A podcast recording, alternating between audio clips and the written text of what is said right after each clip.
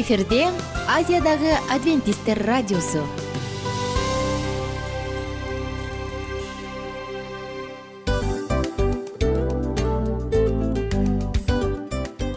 Достор салют. Баардык сүйүктүү угармандарыбызга салам айтабыз. Кутман күнүңүздөр менен. Ден соолук өмүрдүн булагы демекчи саламат саамы программасында баарыңыздарды көргөнүбүзгө абдан кубанычтабыз. Анда алгач амандашып өтөлү арбаңыздар деп. Ден соолугуңуздар кандай элибизде көбүнчө ден соолук кандай дегенде эле жакшы деп жооп беребиз э? ооруп турсак дагы жакшы дейбиз. Анан мен муну айтып ойлойт элем бул абдан сонун сөз депчи анткени бул жакшы деген үмүт да э ооба баары жакшы болот. Баары сонун. Деп үмүттөнүп атып эле өзүбүздү өзүбүз дарылап коебуз. Анысы кандай сиздин дагы ден соолугуңуз жакшы беш деген үмүттөбүз чындыгында ден соолук бул өмүрдүн булагы деп бекеринен айтылган эмес деп ойлойм. Кыргыз элинде анткени эгерде ден соолук жок болсо анда адамдын жашоосунда калган баардык керектүү маңыздуу нерселер өзүнүн баалуулугун жоготуп коет. Ошондуктан ден соолук бул эң керектүү нерсе. Ооба туура айтасың кесиптешим чынында ден соолугуң жок бир эки үч күн ооруп калсаң эле э кандай болуп калат? Жашоодо көз каранды болуп каласың көп нерсеге жетишпей каласың көп нерсени кыла албай каласың жада калса эшикке дүкөнгө да чыга албай каласың. Туптуура анан ден соолук болсо демек биз биздин бактыбыз тотой деп койсок болот. Анда достор саламат саамы рубрикабызды баштайлы. Алдыда өзүңүзгө керектүү болгон сонун кеңештерди уга аласыздар. Мына ошондуктан биз менен бирге болуңуздар. Ал эми биз болсо милан жана айнура. Кеттик алга. Алга саламат саама ден соолуктун жарчысы. Саламат саама ден соолуктун ачкычы. Күн сайын сиз үчүн мыкты кеңештер сонун жаңылыктар кызыктуу фактылар. Биздин рубрикада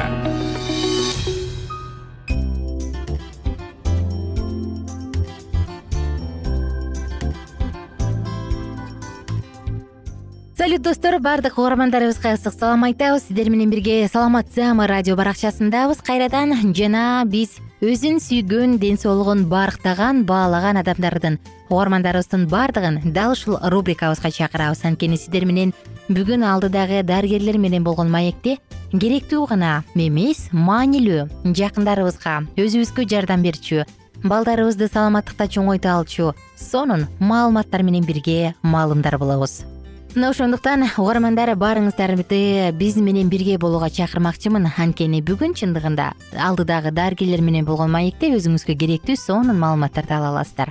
Достор адамда биринчи байлык ден соолук деп бекер айтылган эмес э? Мына ошондуктан биринчи эң керектүү болгон байлык бул биздин сиздин ден соолугуңуз. Үстүңдөгү үч кабаттуу үй алдыңда беш түрлүү машина кымбат баалуу унаалардан эч бир пайда жок. Эгерде ден соолук болбосо. Ошондуктан угармандарыбыздын баардыгына бекем ден соолук каалоо менен бирге биз саатыбызды баштадык. Алдыдагы маалыматтар сиздер үчүн. Достор эгер суроолор болсо сөзсүз түрдө саламат клуб сайтынын ютуб каналына кирип ал жакка комментарий калтырып суроо жөнөтсөңүз болот. Биз сиздин сурооңузду жоопсуз калтырбайбыз.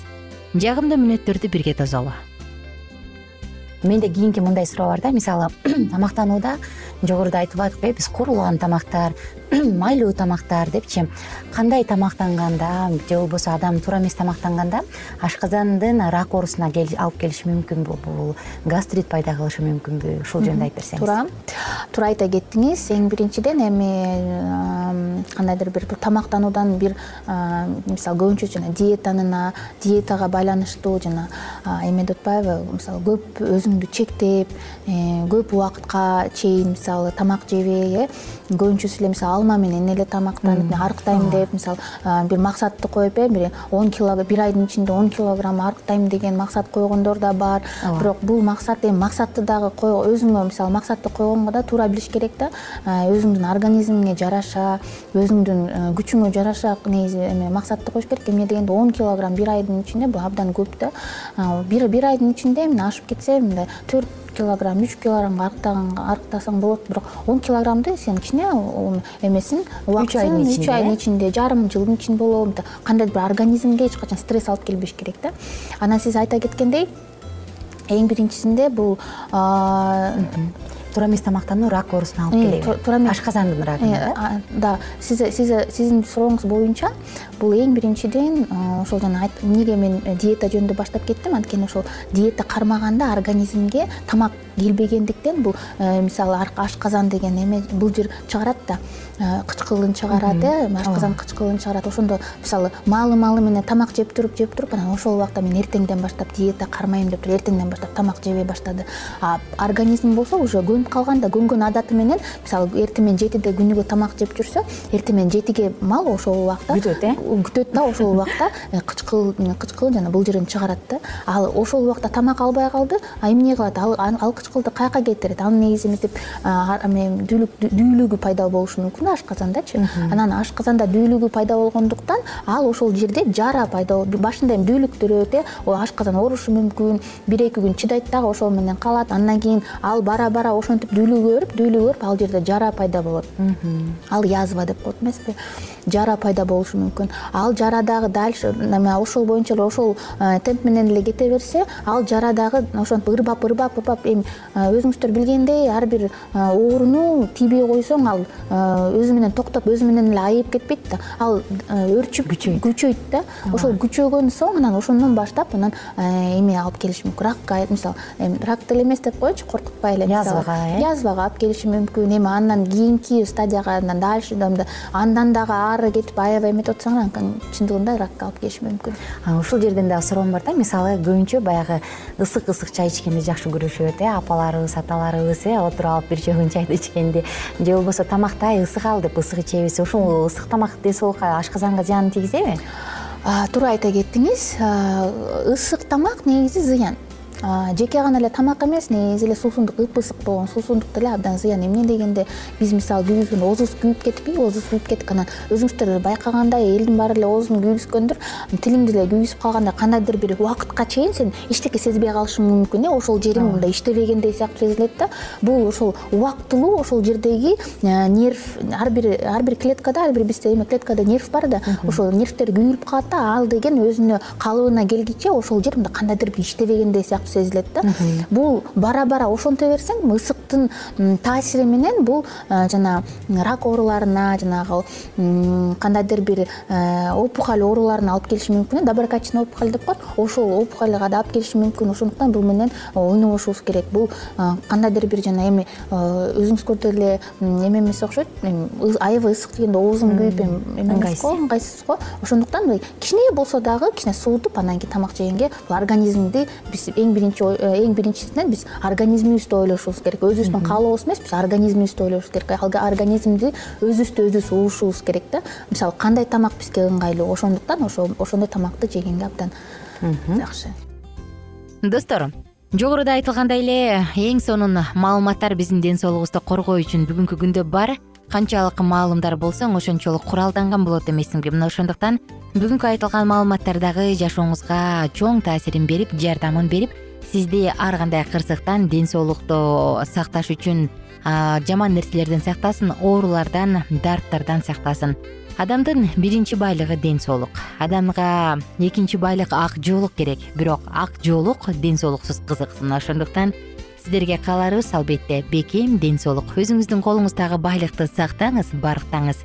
Жана албетте бул үчүн болгон күрөшүңүздү жумшаңыз адам баягы жашоосунда колдон келишинче акча таап алып туруп анан кийин улгайып калган кезде баардык тапканын кайра өзүнүн ден соолугуна жумшагандан көрө мейли аз тапса дагы бирок оорубай жашоонун кубанычын татып жашаганга эмне жетсин? Ошондуктан ар бириңиздерге кааларым бекем ден соолук. Коштошобуз достор сиздер менен. Кийинки уктуруулардан кайрадан амандашканча бар болуңуздар сак саламатта туруңуздар. Күнүңүздөр көңүлдүү маанайда улансын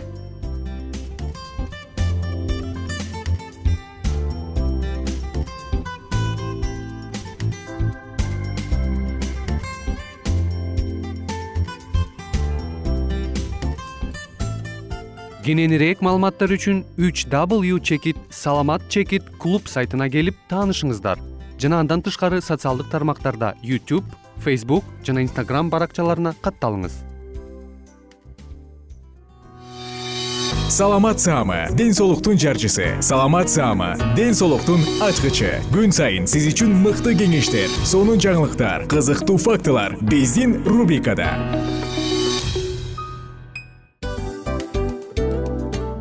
салам достор. Кайрадан биздин сүйүктүү рубрикабызга кош келиңиздер деп айтмакчыбыз.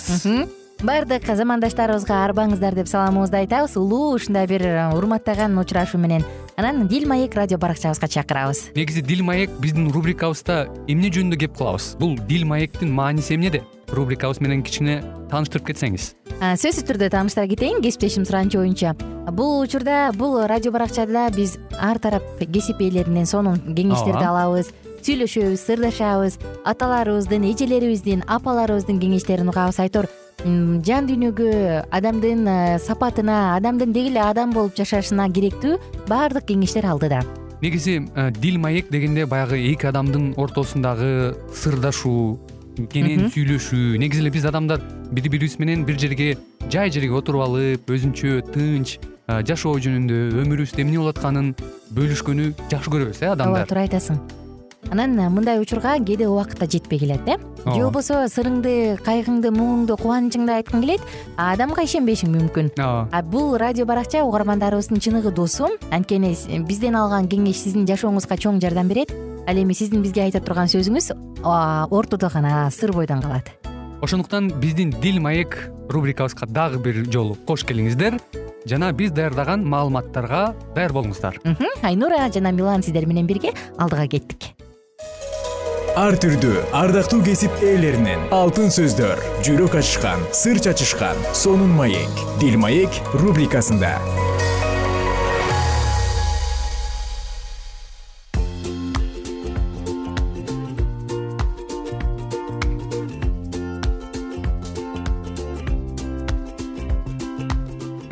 убак күнүңүздөр менен биздин сүйүктүү досторубуз. Жалпыңыздарга ысык салам айтабыз. Дагы дил маек рубрикасына кош келиңиздер деп чакырабыз. Амансыздарбы ардактуу угарман. Кош келиңиздер. Дил маек уктуруусуна бүгүнкү программабызда биз кайрадан эле кесиптешим экөөбүз. Ушул э, позитивдүү психология туурасындагы маегибизде. Улантабыз улантабыз э, мурунку уктурууда айтканбыз э позитив бул үмүт деп э позитив бул жакшы деп. Анан психологдор өзүңө өзүң психолог бол дагы дейт позитивдүү ойлонгонго үйрөн дейт элестет көрсө баягы позитивдүү ой жүгүртүү деген эмне дегенде ал мындай экен. Болуп жаткан окуяны өзүңдүн оюңдун баардыгын тең үмүтү бар адамдай көз карашта кароо экен элестет? Үмүтү бар адамдай көз карашта кароо дейт. Анан алар мындай дейт. Позитивдүү ой жүгүртүш үчүн биринчи кезекте кантип үйрөнүш керек дегенде алар ийгиликтин дневникин күндөлүгүн жаз дейт да. Дептер болобу блокнот болобу эмне гана болбосун ар бир сенин жетишкен ийгиликтериңди жазып жүр дейт абдан мага жакты. Бул нерсечи анткени кыйын учурларда сен э, менин колуман эчтеке келбейт дегенде ошол нерсени көрөсүң да өзүңө өзүң мотивация пайда болот э? Ооба. Анан бул э, көбүрөөк ыраазы болгонго да үйрөтөт го дейм. Ийгиликтин күндөлүгүн жазуу экинчи кезекте налоговый инспектор болгула дейт салыкчы болгула дейт мына сага. Тагыраак айтканда баягы сиздин ийгиликтериңиз сиздин колуңузда бар байлык сиздин жан дүйнөңүздүн байлыгына өзгөчө кызыктар боло турган адам болуңуз дейт сиз эмнеге ээ болуп жатасыз? Эмнени жоготтуңуз эмнени кайрадан кайтарып алдыңыз? Булардын баардыгын ийгиликке жетиш үчүн жана сизге жакшы болуш үчүн ушундай атмосферада дайыма өзүңүзгө өзүңүз байкоо жүргүзүп туруңуз дейт абдан сонун ыкма экен чындап эле? Э, болбосочу биз чын эле күндөр өтүп атат коендой окшош күндөр өтүп атат. Мүмкүн биз бир нерсени жоготуп атабыз мүмкүн жаңы нерсеге үйрөнүп атабыз э мунун баары кала берет го. Үчүнчү кезекте мындай дейт да жакшы позитивдүү сөздөрдү сүйлөө керек дейт. Бүгүн абдан жакшы күн болот мен ишенем. Сенин күнүң абдан сонун ийгиликтүү болот мен ишенем сен муну кыла аласың э мен сага ийгилик каалайм. Мен сенин ийгилик күтүп турганын сени бакыт күтүп турганына ишенем балам. Деген сыяктуу нерселерди айта турган болсок бул биздин позитивдүү ой жүгүртүүбүзгө жардам берет дейт ошол эле учурда дагы психологдор мындай кеңеш берет экен э, үй бүлөлүк жашоодо эркек менен аял жубайлардын ортосунда дагы бири бириңерге ушундай позитивдүү маанай тартып алыш үчүн ар дайым э, комплимент айтып турууңар өтө маанилүү деген ойду айткан экен да. Бул дагы позитивге чакырат э мисалы үчүн э, ар дайым бири бирибизге жогоруда айнура кесиптешим айтып өткөндөй эле сен кыла аласың сен азаматсың. Мисалы биз балдарыбызга айткандай эле ушул нерсени жубайлар деле күйөөлөр аялдар бири бирине айтып ар дайым арнап турса анда позитивдүү маанайга чакырган болот экенбиз. Ошондой эле позитивдүү ой жүгүрткөнгө үйрөнүш үчүн бизде ыраазы болуучу таш болушу керек экен элестет баардык учурда кандай гана өлчөм болбосун бизде кадимки эле ташты кичинекей ташты жаныбызга ала жүргөнүбүз жакшы дейт. Мүмкүн бул ракушка болот брелок болор э мүмкүн чын эле таш болобу жаныбызга алып алган жакшы дейт. Анан ошону жашообуздун бир кыйын учуруна келгенде жок баары жакшы болот деп өзүбүзгө өзүбүз баягы мына сен мондай кыйынчылыктарды жеңбедиң беле деп эстетүүчү бир буюм сыяктуу бир нерсе алып алганыбыз жаныбызга жакшы дейт. Аны көргөн сайын жок мен позитивдүү ойлонушум керек. Мунун аты позитив деп өзүбүздүн жаман ойлорубузду куя алабыз дейт да. Мына ушинтип бул нерсени биз айтсак болот экен урматтуу угармандар бул позитивдүү психология деп. Ооба туп туура кантип үйрөнсөм болот дегенде ушундай анан да баягы э тобо кылдым деп кыргыз элинде көп айтат эмеспизби. Негизи тобо кылуу деген сөздү көп айтабыз го. Тобо кылуу бул эгерде баягы нуска т түпкү тамырына карай турган болсок ойдун алмашышы экен. Тагыраак айтканда сен мурун моундай ойлонуп келгенсиң эми анын баарын таштайсың да сен токсон градус буруласың дагы башкача ойлойсуң. Сен оюңдагы жаман үмүтсүз жаман ойлорду кийир ойлорду булганыч ойлордун баарын алып таштайсың дагы анын ордуна жакшы позитивдүү таза ыйык ойлорду салуу экен да элестет э? Тагыраак айтканда керек болсо тобо кылуу дагы ойдун өзгөрүлүшү болмоюнча болбойт экен да. Адамда ойдун мындай кымбаты баалуулугу канчалык деңгээлде жогору экенин ушундан байкасак болот ооба чындап эле туптуура ой менен биз дайыма жакшы нерсени да жаратсак болот ал эми ой менен керек болсо жаман нерсени жаратып алып ошонун артынан кайгыга чөксөк да болот да мисалы. Бирин бүгүнкү ой эртеңки кыймыл деп коет го э? Бүгүн сен ойлондуң эртең кыймылга ашты. Бүгүн сен жакшы нерсени пландаштырып ойлондуң эртең жакшы нерсе ишке ашат. Бүгүн сен жаман ойду ойлондуң эртең жаман нерсеге башат. Ошондуктан оюбузду позитивдүү жакшы ойлонгонго машыктыра бергенибиз кандай жакшы? Ооба абдан жакшы.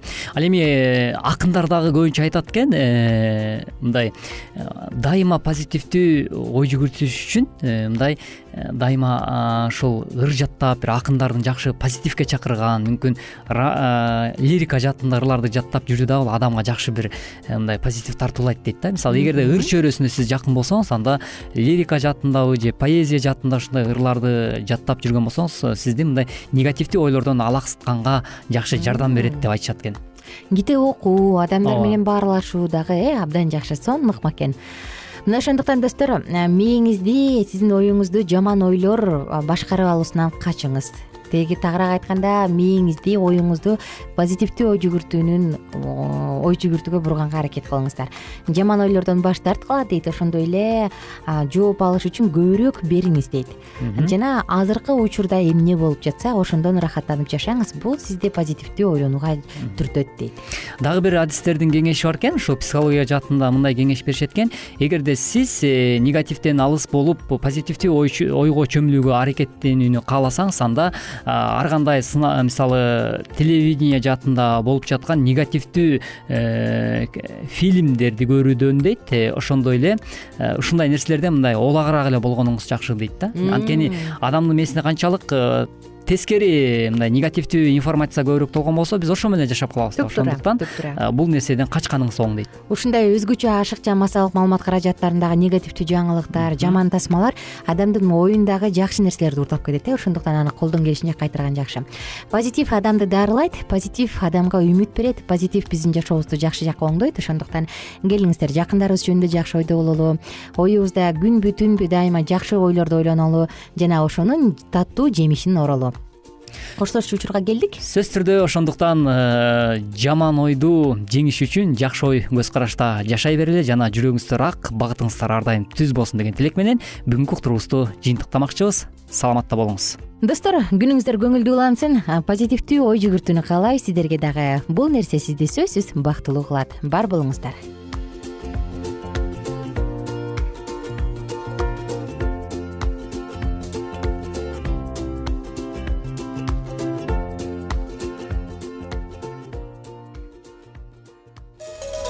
ар түрдүү ардактуу кесип ээлеринен. Алтын сөздөр жүрөк ачышкан сыр чачышкан сонун маек. Дил маек рубрикасында.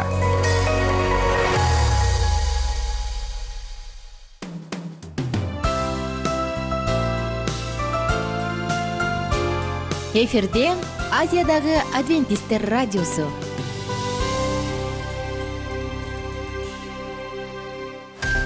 жан дүйнөңдү байыткан жүрөгүңдү азыктанткан жашооңо маңыз тартуулаган жан азык рубрикасы.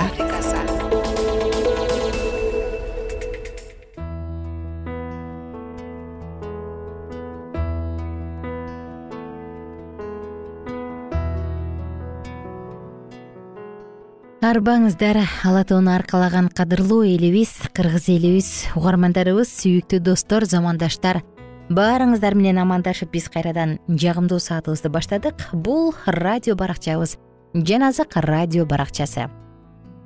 Жан дүйнөбүздү азыктандырабыз жылмаябыз кубанабыз. Анткени жашоо кыска деп келебиз. Жашоонун кыскалыгы үчүн эмес бизде түбөлүктүүлүккө болгон тирүү үмүт түбөлүк өмүр тирүү ишеним бар экендиги жана ага ар бир адам ээ боло алат экендиги менен дагы кубанабыз. Достор бүгүнкү уктуруубузда сиздер менен бирге аян китебин окууну улантабыз тагыраак айтсам биз. Мурунку уктурууда аян китебиндеги руханий күчтүн сыры жөнүндө сөз кылып жатканбыз. Абдан сонун тема байкасаңыз чындыгында ар бир нерседе анын күчү бар ай ой анын бир күчүнүн сыры бар деп калышат эмеспи? Анысы кандай? Албетте бул аян китебинин дагы өзгөчө сыры бар. Эмнеде ал ыйса машаяктын аяны болгондуктан тирүү кудайдын сөзү болгондуктан келечекке карата тирүү үмүт жана чыныгы күбөлөндүрүү пайгамбарчылык болгондуктан анын күчү зор. Достор биз бүгүн темабызды улантып жатып бир аз мурунку уктуруубуздун акыр жагын эстей кетсек мурунку уктуруубузда ыйсанын жанында эки каракчы асылганын айтканбыз э бири болсо. Эгер сен кудайдын уулу болсоң айкаштыкан жыгачтан түшүп бизге да жардам бер деп ыйсаны шылтыңдаган ал эми экинчи адам падышачылыгыңа келгенде мени эстей көр деген. Анан жанындагы бул биздей болуп күнөө кылган жок. Биз татыктуубуз. Бул адам мындай нерсеге татыктуу эмес болчу. Муну адилетсиз жазалап жаткан деп дагы айтып кеткен сөздөрүн билебиз э. Чындыгында ыйса машаяк ага келип падышачылыгыңа келгенде мени эстей көр деп айткан бир да адамга жок деп кесе жооп берген эмес эми ошол айкаш жыгачта анын жанында илинип турган асылып турган каракчыга эмне деген? Ошондо ыйса мындай деди. Сага чындыкты айтып коеюн бүгүн айкашкан жыгачта асылып турганда бүгүн бетимден кан журголоп агып жатканда жылаңачтанып айкаш жыгачка керилип турганымда эч кимди куткара албачудай сезилип турганда сага бүгүн түнү мени менен бейиште болосуң деп айтам. Миңдеген миллиондогон адамдар ыйсага келип кечирим алып кайрым ырайымга ээ болушкан. Ошол адамдардын жашоосу өзгөргөн рим жүз башчысы келди. Таш боор жүз башы эртең менен туруп дагы бир адамды айкаш жыгачка керүү боюнча буйрук келди деди эй аялдар четке качкыла а сен болсо арабаңды жолдон ал. Биз жумушубуз менен шашып жүрөбүз. Бизге ишке ашыра турчу буйрук бар. Ыйса деген ысымы бар адамды жана дагы экөөнү айкаш жыгачка асышыбыз керек. Ал согуш убагында көп өлүмдү көргөн таш боор адам болгон. Айкаш жыгач алдында жүз башы ыйсанын көздөрүнө тигиле карады айкашкан жыгачта ал жөнөкөй философтон равалык мугалимден да жогору турган бирөөнү көрүп жүрөгү ийилди. Мындан кийин римдик жүз башы мурункудай болбой калды ал өзгөрдү. Биздин жашообуз да өзгөрүлө алат. Көптөгөн адамдардын биографиясы өлгөндүгүнө байланыштуу бүтөт. Бирок ыйсанын жашоосу эмес жакан китеби он биринчи бап жыйырма бешинчи аятты карасак. Ыйса ага мындай деди. Мен тирилүүмүн жана өмүрмүн. Мага ишенген адам өлсө да тирилет. Ыйса мүрзөлөр ачык дейт. Ыйса тирүү болгондуктан өзүнүн руху менен жашооңузду өзгөртө алат. Машаяк тирүү кудай. Ыйса кудай бул баардык руханий көйгөйлөрдүн чечилиши. Машаяк. Биз менен чогуу жүргөн машаяк. Бүгүнкү күндө машаяк адамдардын жүрөгүн черткилеп жатат. Ошол машаяк көйкөлөрдү чечет. Ошол машаяк кудай. Ал дагы да жашоону өзгөртө алган теңир. Ал дагы да кереметтерди жаратып жатат. Бүгүн дагы ыйса адамдардын жүрөгүнө кайрылып жатат. Бүгүн дагы ыйса күнөөлөрдү кечирип жатат. Ал жашоону өзгөртөт. Бүгүн ал сиздин жүрөгүңүздү черткилеп жатат. Жүрөгүңүздүн эшигин ачып бергиңиз келеби? Анда эмнеге сыйынууда башыбызды ийип ыйса менин жашоомо кирчи теңир сен жөн гана жакшы адам эмес экендигиңди мойнума алам. Сен философтон адилеттүү окутуучудан жогору экендигиңе ишенем. Сен чын эле кудайдын уулусуң. Бүгүн менин күнөөлөрүмдү кечире аласың. Сен аларды жок кыла аласың деп айтпайбыз.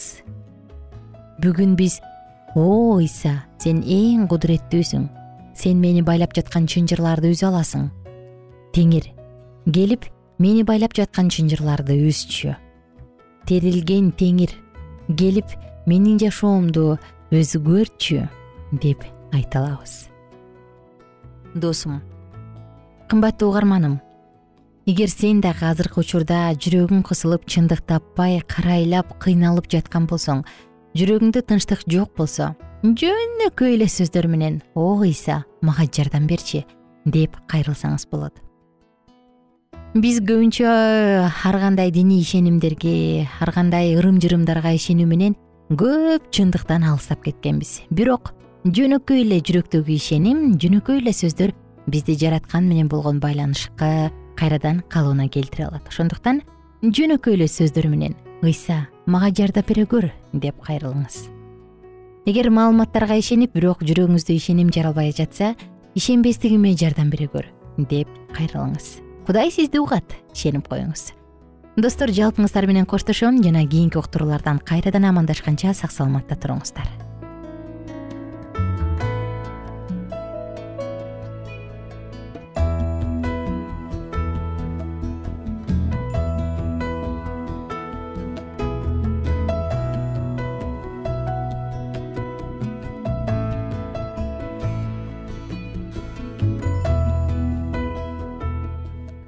Эгер сиздерде суроолор болсо же көбүрөөк маалымат билем десеңиз анда биздин whatsapp номерибизге жазыңыз. Плюс бир үч жүз бир жети жүз алтымыш алтымыш жетимиш. Кайрадан плюс бир үч жүз бир жети жүз алтымыш алтымыш жетимиш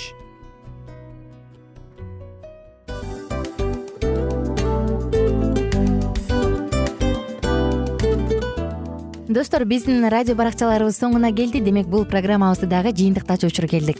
Учурга келдик. Анан кесиптешимден сурагым келип турат. Негизи эле иштин башталып атканы кубандырабы сени же жыйынтыгы кубандырабы албетте жыйынтыгы. Себеп дегенде сен кылган ишиңдин жыйынтыгын көрүп э, баягы мөмөсүн көрүп дегендей жыргайсың жүрөгүң жемишинен тартып э? Кандай даамдуу деп. Баягы буудай сепкенде эмес буудай эгинди жыйнагандан кийин ысык нанды жегенде кадимкидей ырахаттанасың го. Ой айтпа туура айта кеттиңиз. Сонун салыштыруу болду анан мен дагы абдан кубанып турам. Анткени биз угармандарыбыз үчүн аябай эмгектенип келген уктуруубуздун соңуна келип калдык анан эми уктуруубуздун соңунда угармандар кандай пайда алып калды экен деп күтүп турам да. Балким э, менин жашоомо өзгөрүү киргизе турган сонун сөздөр болду. Мен ушул нерсени изилдеп анан кабыл албасам ушул нерсени кылбасам деген чечим чыгарсаңыз анда биз абдан кубанычтабыз. Сөзсүз түрдө андыктан кийинки биздин кызыктуу уктурууларыбыздан көрүшкөнчө сак саламатта калыңыздар. Чыдамсыздык менен сиздерди мен милан жана кесиптешим айнура күтөбүз. Баардык угармандарыбызга ийгиликтүү күн каалайбыз качан гана болбосун уртуңуздан жылмаюу кетпесин үйүңүздө көмүр жүрөгүңүздө көңүл болсун дейли